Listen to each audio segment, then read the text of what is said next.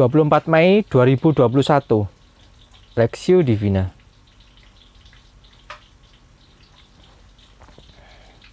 Wahyu 10 ayat 1 sampai 7 Dan aku melihat seorang malaikat lain yang kuat turun dari surga. Berselubungkan awan dan pelangi ada di atas kepalanya. Dan mukanya sama seperti matahari.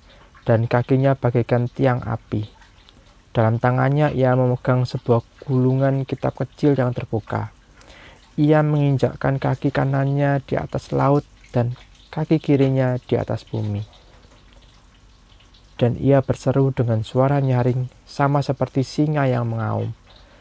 Dan sesudah ia berseru, ketujuh guru itu memperdengarkan suaranya. Dan sesudah ketujuh guru itu selesai berbicara, aku mau menuliskannya tetapi aku mendengar suatu suara dari surga berkata, Meteraikanlah apa yang dikatakan oleh ketujuh guru itu dan jana engkau menuliskannya. Dan malaikat yang kulihat berdiri di atas laut dan di atas bumi mengangkat tangan kanannya ke langit. Dan ia bersumpah demi dia yang hidup sampai selama-lamanya, yang telah menciptakan langit dan segala isinya, dan bumi dan segala isinya, dan laut dan segala isinya katanya, tidak akan ada lagi penundaan lagi. Tidak akan ada penundaan lagi. Tetapi pada waktu bunyi sangkakala dari malaikat yang ketujuh, yaitu apabila ia meniup sangkakalanya, maka genaplah keputusan rahasia Allah, seperti yang telah ia beritakan kepada hamba-hambanya, yaitu para nabi.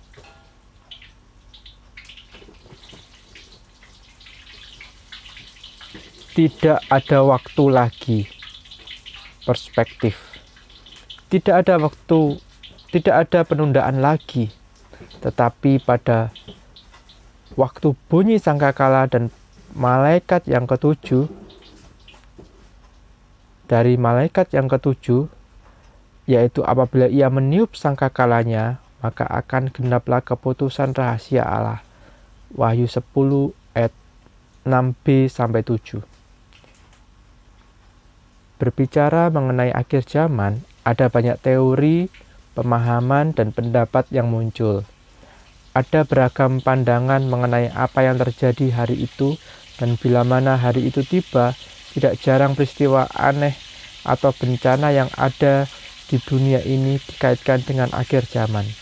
Tetapi sesungguhnya, kapan waktunya, tidak ada seorang pun yang tahu. Hal itu adalah misteri dan rahasia Sang Pencipta. Namun tulisan Yohanes ini akan memberikan gambaran yang benar mengenai akhir zaman atau hari kedatangan Kristus yang kedua kalinya dan apa yang akan terjadi di hari itu serta bagaimana kerajaan Allah akan datang ke bumi. Dalam penglihatannya Yohanes mendeskripsikan munculnya malaikat yang kuat yang memegang gulungan kitab kitab kecil yang terbuka, serta bersuara nyaring seperti suara singa yang mengaum. Malaikat ini berbicara dengan mengangkat tangannya dan mengatakan satu kalimat penting, ayat 6-7. Tidak ada penundaan lagi, maka akan genaplah keputusan rahasia Allah. Kalimat kalimat ini menandakan bahwa sekarang tidak akan ada penundaan terhadap penggenapan semua nubuat dalam kitab ini sampai malaikat yang terakhir yaitu yang ketujuh meniup sangkakala. Ini menunjukkan bahwa Tuhan di masa sekarang menahan penghakimannya dan menunjukkan kesabarannya demi keselamatan umat manusia. Tetapi sekarang Tuhan tidak akan lagi menahan, tidak ada lagi penundaan, dan malah petaka kesengsaraan besar akan terjadi Tujuan dari penglihatan ini adalah mempersiapkan setiap kita untuk menghadapi penghukuman Allah yang terakhir. Hari di mana berakhirnya akhir zaman dan waktu musuh-musuh Allah dan waktu musuh-musuh anak domba dihancurkan. Tetapi selama hari itu belum tiba, hendaklah setiap anak Tuhan mengabarkan berita keselamatan kepada dunia. Akhir dari kesudahan Memang tidak ada seorang pun yang tahu, tetapi waktu itu akan segera tiba. Tuhan akan menggenapkan, menggenapkan janjinya. Tuhan akan menjatuhkan penghakimannya. Hendaklah semua orang datang kepada Kristus. Studi pribadi, apa yang sudah kita lakukan sebagai orang percaya dalam masa-masa penantian ini? Sudahkah kita melakukan tugas untuk memberitakan kabar keselamatan bagi orang di sekitar kita?